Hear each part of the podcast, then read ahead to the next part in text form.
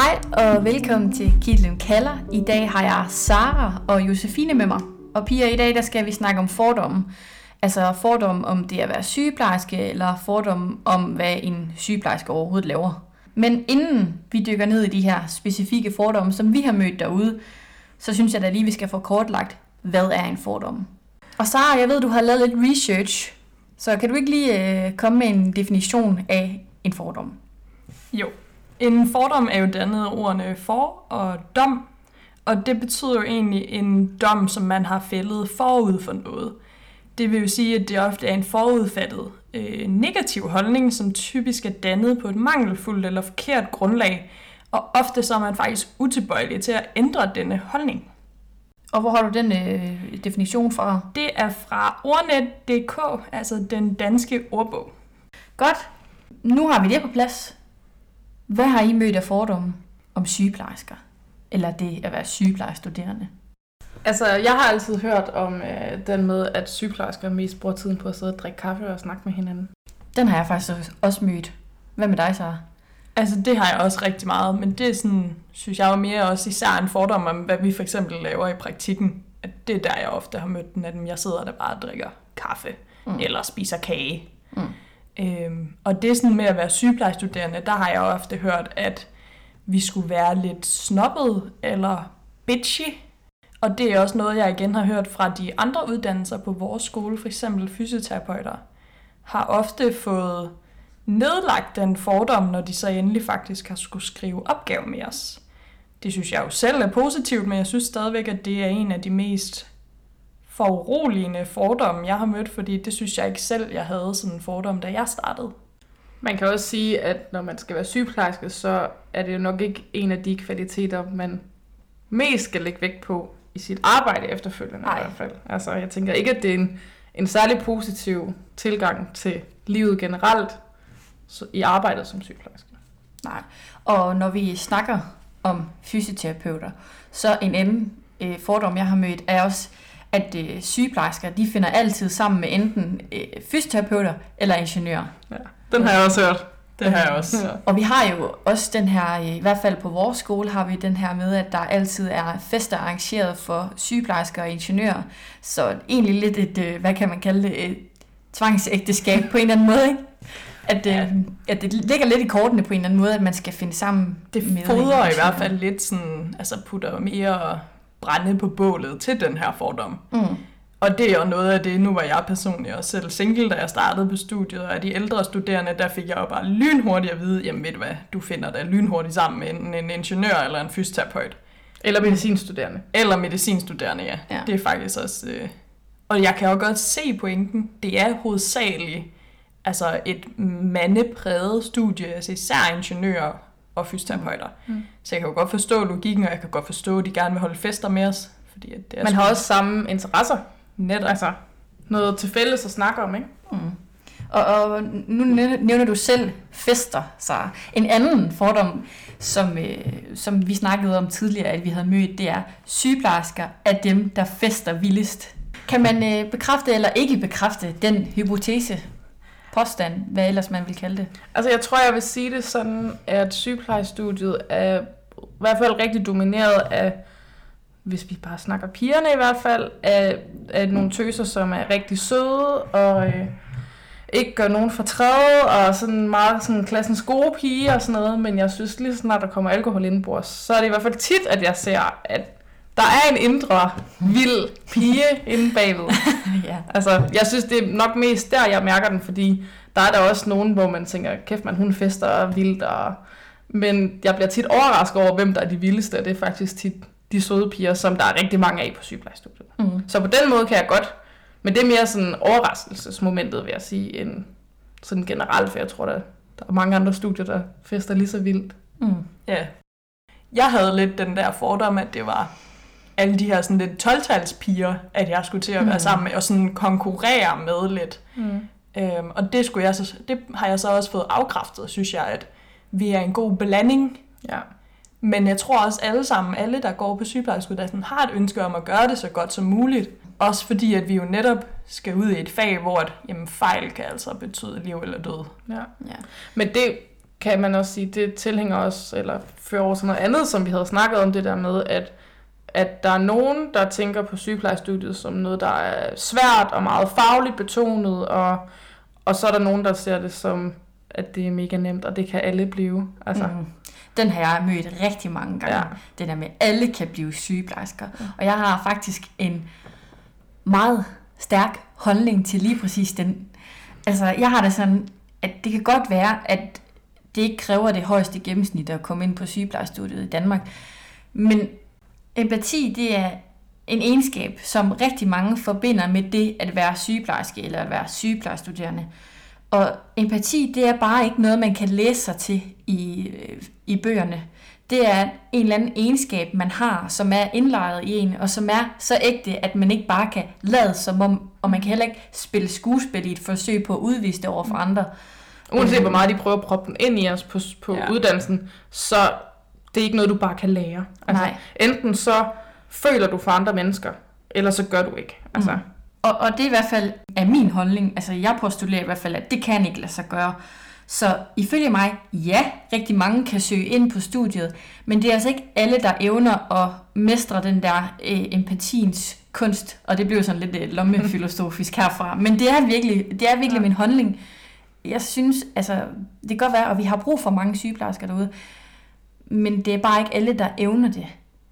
Og, at være det og mestre empatien ordentligt ærligt, det, det er virkelig min mening. Det er måske lidt hårdt sagt ud og meldt ud, men jeg synes virkelig, at nogle gange, så, så skal man passe på med, hvad man siger lige på det punkt. Jamen, jeg er helt enig. Altså, og vi sad i forbindelse med, at vi sad og snakkede om det inden, at vi skulle til at optage, så havde vi også snakket om det her med den dokumentar, der har været med plejehjemmene bag facaden. Mm.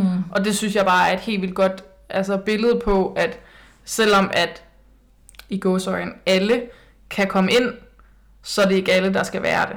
Mm-hmm. Altså. Lige præcis. Og det er uanset hvilket fag i sundhedsbranchen det er. Mm-hmm. Det er om det er øh, hjælper, eller assistent, eller sygeplejerske, eller øh, noget helt andet, der stadigvæk går ind over sundhedsområdet, så synes jeg, at det aller, aller vigtigste, det er, altså, om du har hjertet med. Og ja. så kan du lære mange af de andre ting efterfølgende. Altså, men det er jo ikke, fordi der er altså, mega lave snit over, over, rundt omkring i Danmark på sygeplejerskeuddannelsen. Nej, nej, altså, ikke. Øh, i Odense, i, i optagene nu her i øh, 20, må det være, der var snittet 7,1 for eksempel. Mm. Og vi sad lige og snakkede om inden, at da I søgte ind i 17, må det jo så have været, ja. Yeah. der mente I, det var 7,8. Og da jeg søgte ind i 16, der var det 7,9. Så det er jo, og det er bare for Odense. Altså, så det er jo ikke fordi, at alle og enhver bare kan komme ind. Altså man kan jo sige som sådan en kontrast, øh, Frederiksberg-skolen i København, der ligger der et snit på, 7, nej, på 9,1 på kvote 1, altså her nu i 2020. Og det er ikke, det er altså ikke det. alle, det er jo, jeg vil næsten kalde det Guds bedste børn. Yeah. altså dem, der faktisk har, har givet det lidt en skalle ja. ja. i gymnasiet. Og altså, der er jo også forskellige forhindringer, eller hvad man skal sige, undervejs på studiet, fordi vi har jo sådan noget som lægemiddelregning eksamen, mm. og der er også rigtig mange, der falder fra der. Altså, mm. øh, der, der ikke kan bestå den, og er nødt til at søge om ekstra, ekstra forsøg, og altså, det er jo ikke ekstra fordi... Ekstra tid. Ja. Mm. Vi ja. har hjælpekurser, mm. altså som skolen er gået sammen med, er det VUC eller sådan noget? Ja, det tror jeg. Ja. Men nu hvor vi snakker om uh, det her med at falde fra, hvor mange falder egentlig fra på det her uh, på sygeplejestudiet? Jamen, vi sad lige og kiggede på det inden, og i løbet bare første og anden semester, altså det første år af uddannelsen, der er det 15 procent, der falder fra. 15 procent, det er alligevel ja. også, altså det er alligevel en god slet. Ja. Altså det er mange i forhold til, man tænker på, på vores årgang i 2018, der startede vi 114.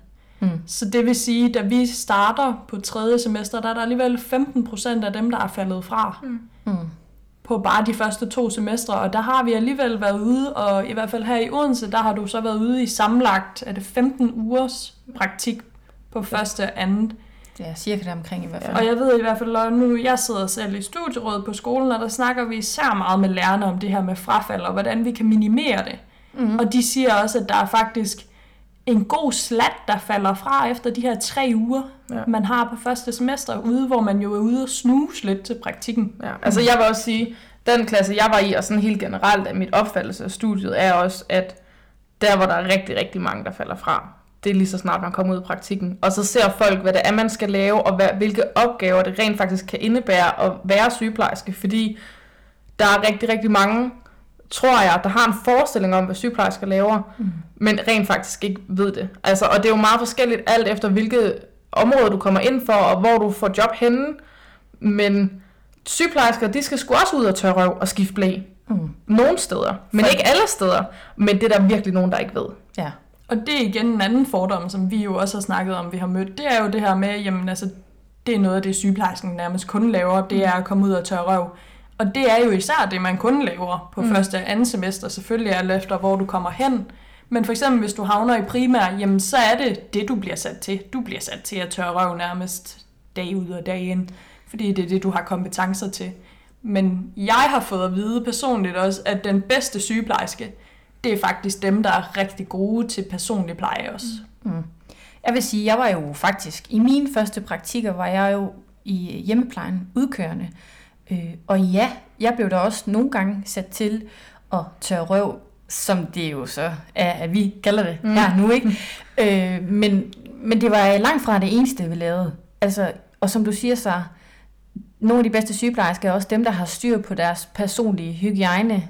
Ved at være ude i plejen, lærer man altså bare de borgere eller patienter, eller hvad det er, øh, bedre at kende, når man er en del af den daglige rutine, og man ser dem mere og sådan noget, fordi på min første semester, der var jeg på et plejehjem. Min vejleder var den eneste sygeplejerske på hele plejehjemmet, og det var en forholdsvis nyoprettet stilling, så det betød, at hun sad med rigtig, rigtig meget administrativt. Mm. Det eneste, hun rigtig overhovedet lavede, der havde noget som helst med borgerne fysisk at gøre, det var, hvis der var noget sårskift, eller noget rigtig komplekst. Jeg kan også huske, der var en, der, øh, en borger, der, øh, der skulle have øh, en øh, injektion, som kun en sygeplejerske må give, for eksempel.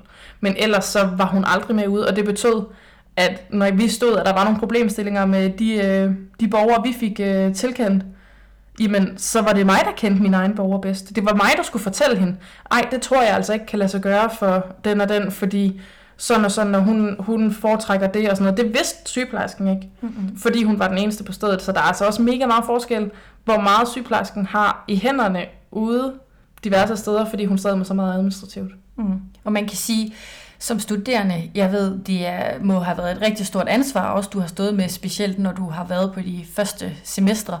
Men på den anden side er det også en sindssygt god øvelse. Altså, du lærer virkelig at tage ansvar for den borger, eller de borgere, som du har fået tilkendt.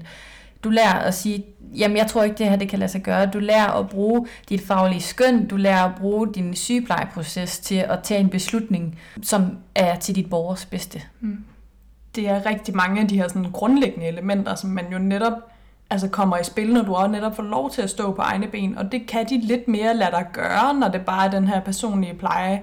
Du får også, altså jeg fik i hvert fald også lov til at stå for medicinen og sådan noget, og selvfølgelig er der altid en, der lidt kigger dig over skulderen. Det men, kan godkende, ikke? Ja, hmm. der er ligesom en, der skal kontrollere, fordi du arbejder jo under en andens autorisation og en andens ansvar, og det skal vi altid også have i mente.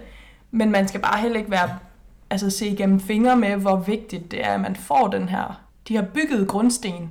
Fordi det mener jeg i hvert fald, og synes, jeg har også gavn af det her senere hen, at jeg synes, det har været super lærerigt og mega fedt, at det ligesom har været fokus. Men jeg har så været så heldig også, at i min anden semester, der fik jeg en uge, hvor jamen, det var sådan det, jeg lavede, og jeg fulgte assistenterne.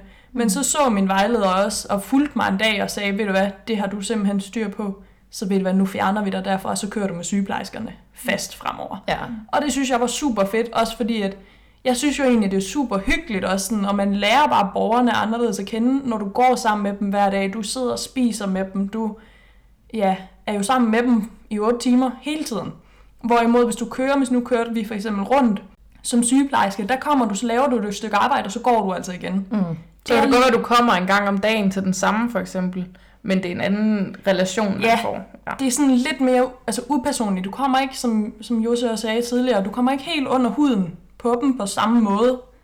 Så det er også bare vigtigt, at især når man er ny studerende for personligt selv, jeg stod med den fordom og tænkte, det gider jeg simpelthen ikke lave alt for meget af, fordi jeg havde lidt erfaring, som vi har tidligere sagt i introen. Jeg havde været arbejdet ufaglært, så jeg havde ligesom, synes jeg, tørt sindssygt meget røv. Mm. Og det havde jeg ligesom på plads, så det gad jeg virkelig bare ikke. Mm. Men jeg kunne i hvert fald godt se senere hen, at altså jeg synes jo, en øh, god sygeplejerske er jo også den, hvis de kommer ud og skal skifte et sår til for eksempel en dement borger, som så har en våd blæ eller et eller andet, jamen ved du hvad, så skift den dog med det samme. Ja. Altså, der er ikke noget værre end de sygeplejersker, der går så hen til en assistent og siger, am lille Jørgen, mm. han har altså en våd blæ, så gider du ikke lige skifte den, inden jeg kan gøre mit arbejde.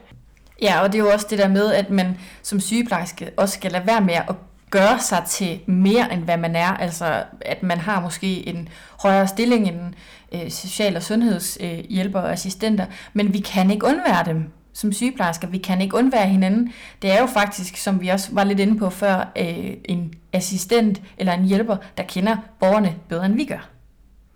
Altså, men jeg synes også, at der er forskellige aspekter for det her, fordi jeg synes også, det handler om faglig respekt.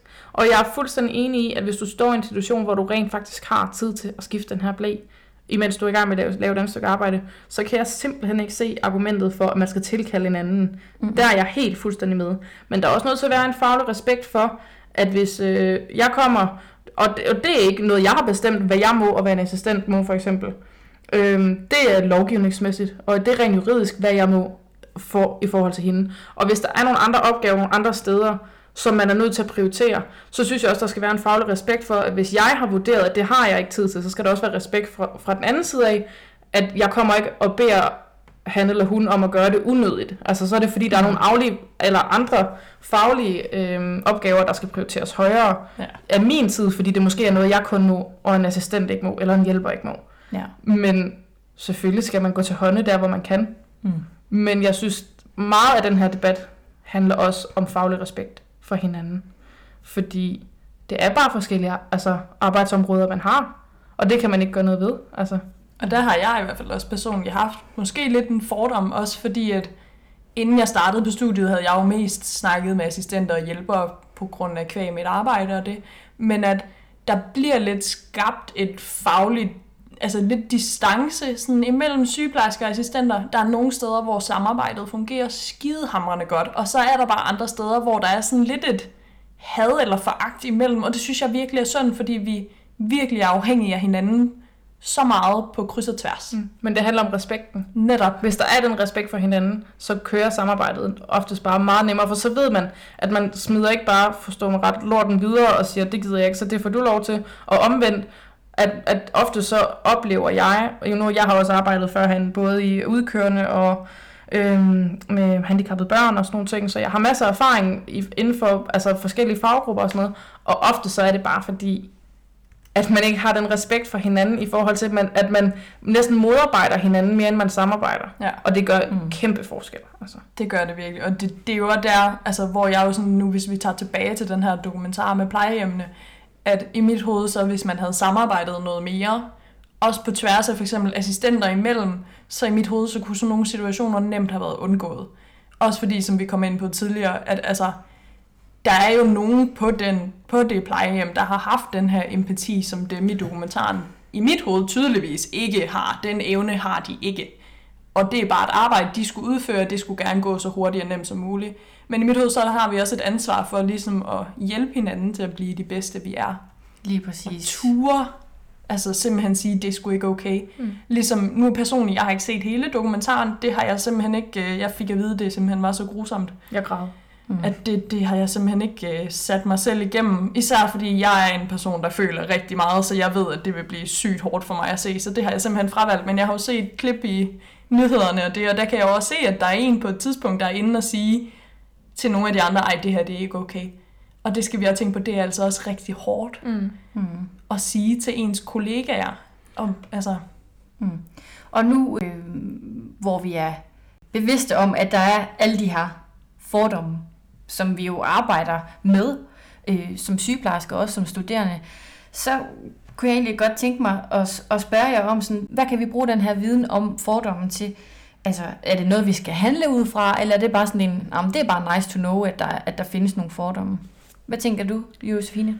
Altså, jeg personligt har i hvert fald kunne mærke, at når jeg har været ude i praktik og øh, i mit job ved siden af studiet, at jeg gerne vil nedbryde de her fordomme. Altså, Øh, også hvordan der bliver set på sygeplejestuderende ude på en afdeling for eksempel, som, øh, som, som er tilkaldte vikar eller et eller andet, er også meget forskelligt, hvordan det er derude. Fordi nogen mener, at så kan man bare være stikkeranddreng, og andre vil gerne altså, involvere en noget mere fagligt, som selvfølgelig er forsvarligt, eftersom vi ikke er der i altså uddannelsesøje med. Ikke? Men, men jeg vil gerne være med til at nedbryde nogle af de her fordomme, fordi jeg har da ikke lyst til, at øh, mine, alle mine omgangskreds skal gå og tro, at jeg bare øh, drikker kaffe og har øh, valgt en øh, uddannelse, som alle bare kan blive. Altså, mm. Jeg bruger meget energi på, når jeg snakker med mine venner og familie og sådan noget, som ikke er inden for faget, og forklare om, hvad mit arbejde rent faktisk kommer til at bestå af. Mm.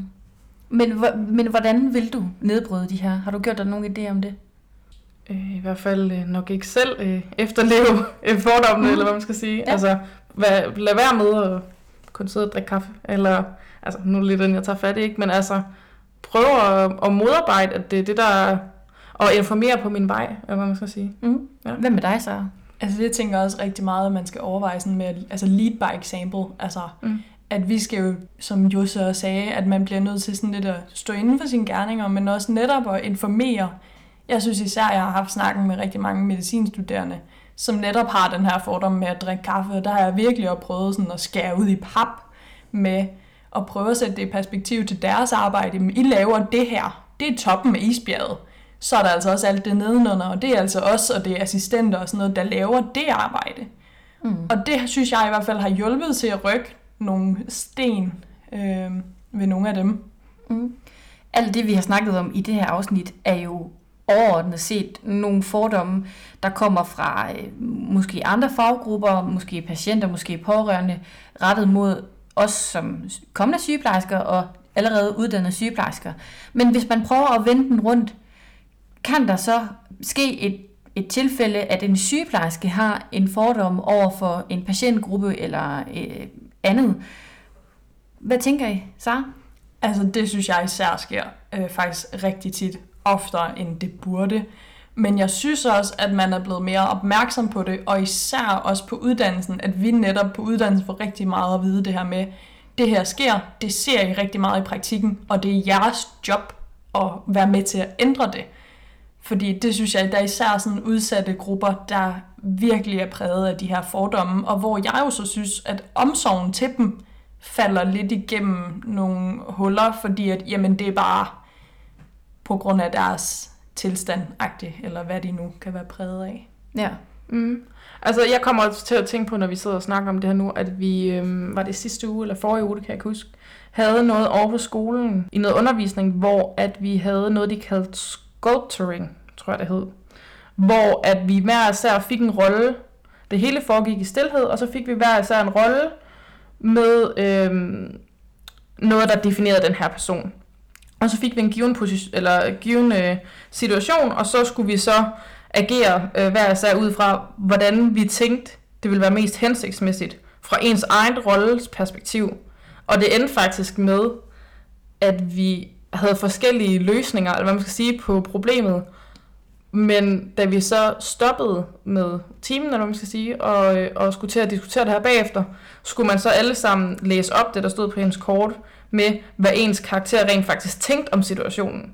Og der, det viste også bare lidt for mig det der med, at der foregår så meget inde bagved, som man ikke tænker om, og man har en forestilling om, hvad en på sex synes, eller hvad en bedste veninde til en, der er syg, synes, eller en mand, eller et eller andet, men man ved det bare ikke. Altså, det løftede på en eller anden måde, det ved man jo godt, men det løftede på en eller anden måde sløret for mig ved, at man, man er bare virkelig farvet af, hvad man antager om andre mennesker. Mm. Også altså patienter og deres pårørende. Og, hvor, altså, der er jo ikke nogen, der ved, hvordan øh, gruppedynamikken er generelt, og hjemme i familien. Og, altså, det, det gjorde virkelig noget for mig, at vi havde den øvelse. Ja, det gjorde det virkelig også for mig. Altså, at man, det er jo lidt det her med, at vi lærer rigtig meget om forforståelse og sådan noget for nylig. Og i mit hoved, så er det jo en, en forforståelse er jo også lidt, synes jeg, lidt ligesom en fordom. Du har dannet et indtryk på baggrund af din, din egen viden og dine egne personlige erfaringer. Så danner du et indtryk af nogle personer, og det er jo også det, vi gør hver dag som sygeplejersker. Men i teorien, så ved vi ikke, hvordan søskenforholdet for eksempel er til lille mor Inge, der ligger på stue 5, eller mm. hvordan hun for eksempel har et forhold til hendes mand, eller om der for eksempel er utroskab, og whatever har dem gut, der virkelig kan vanskeliggøre mm. de situationer, vi skal stå i, når vi jo netop gerne vil inddrage pårørende meget mere, end man for eksempel førhen sikkert har gjort i sygeplejevæsenet. Mm. Så ja, en sygeplejerske kan godt have fordomme om andre patienter, og som I også siger, så har vi oplevet det. Og, og som du siger, Josefine, man kan hurtigt blive farvet af en eller anden antagelse, man har om en min person, som faktisk måske overhovedet ikke engang er rigtig. Oftest er den ikke rigtig. Øh, men, men når man som sygeplejerske er bevidst om, hvilke fordomme man har om en given patientgruppe eller andet, hvad skal man så gøre? Skal man arbejde med den, bruge den i plejen, eller hvad, hvad for nogle overvejelser skal man gøre sig i forhold til at bruge den her fordom til noget? Josefine? Jamen, jeg synes, at uddannelsen i hvert fald gør meget ud af at sige, at det handler egentlig ikke så meget om at have en øh, forudindtagelse, og så lægge den til side, men det handler mere om at være bevidst om, at du har den her forudindtagelse, og så lidt arbejde ud fra den på den måde forstået, at man skal sørge for, at den ikke farver det, man laver. Mm. Altså, øh, jeg skrev jo i min eksamensopgave på fjerde semester om øh, patienter med alkoholoverforbrug. En patientgruppe, som jeg tror, at der er rigtig mange, ikke kun sygeplejersker, men rigtig mange, der har nogle fordomme omkring, som ikke måske passer. Øhm, og her snakkede vi også rigtig meget om det her med fordomme og stigmatisering. Men det vi også kom frem til, det er, som du siger, Jose, at man er nødt til at være bevidst om, hvilke fordomme man har, og så bringe det i spil, altså prøve at sætte det i spil med sin forforståelse, som du nævnte før, Sara, og prøve at, i stedet for bare at lægge den til side, som, som, hvor man ikke rigtig så er bevidst om sin fordom og den stigmatisering, der kan føre med, øh, men at man bare prøver at lægge det, altså at, at tage det med og sige, okay, jeg ved godt, at jeg måske har en antagelse om, at du er sådan her, men lad os nu se, hvad der, hvad der sker. Altså tag den lidt som den kommer, i stedet for bare at sige, at du er sådan, og så gider jeg bare ikke det. Hårdt sagt. Så? Det handler jo meget om også at være åben. Altså netop det, hvis du er bevidst om din fordom og din forforståelse, så kan du have meget mere være åben over for den patient, du for eksempel møder, som du har en fordom om i forvejen. Mm. Altså det handler jo meget om at være åben, netop på mod, at blive modbevist, men også måske at blive altså bevist i din fordom, fordi man skal også tænke på, selvom at ordbogen eller ordnet.dk siger, at det ofte har en negativ ladning, så kan en fordom også være neutral eller positiv ladet. Ja. Så det er ikke altid, at en fordom behøver at blive altså modbevist. Nogle gange kan den også bare skulle bevises at være, at den er sand. For mm. Jeg sidder bare lige og tænker på, altså generelt, når vi har undervisning og sådan noget, det er så tydeligt, Altså, og det er gennem hele studiet nu, det er jo slet ikke bare, når vi har nu, men det er så tydeligt, når nogen snakker og beskriver en situation, om det er fra klinik, som vores praktik jo hedder, eller om det er fra fritidsarbejde, eller om det er en helt given situation udefra, at det er så tydeligt at høre, hvis nogen har nemmere til at lade sig irritere over noget, eller blive provokeret af noget. Altså sådan helt generelt, det er så tydeligt at mærke, hvem man er som person i det. Og det tror jeg virkelig er vigtigt at være bevidst om, mm. specielt når man skal ud og arbejde i et fag som, som at være sygeplejerske. Mm. Og jeg tror også helt sikkert, at når man har en fordom om noget, så påvirker det bare ens måde at være på over for patienten. Altså, og det kan jo både være en positiv retning, som du siger så, men helt sikkert også i den negative retning. Mm. Så for lige at lave en lille krølle på halen, eller hvad man siger, så findes der altså rigtig mange fordomme om sygeplejersker derude, men også om patienter. Og nu har I hørt nogle af dem, så hvis du har stødt på nogle fordomme derude, så prøv lige at tjekke vores nyeste post ud på Instagram og Facebook, og så smid lige en uh, historie nede i kommentarfeltet, for at I kan dele jeres historier. Øhm, og husk også, at du kan gå ind og følge os på både Instagram og Facebook under navnet Kitlen Kalder. Og hvis du har spørgsmål, så er du mere end velkommen til at skrive til os. Vi kan også kontaktes på vores mail, som er kitlenkalder.outlook.dk Vi håber, at øh, ugens afsnit gav dig noget med på vejen, og øh, om ikke andet lidt stof til eftertanke. Vi håber også rigtig meget, at du vil lytte med igen om to uger, når vi kommer ud med et nyt afsnit. Tusind tak, fordi du lyttede med. Vi høres ved.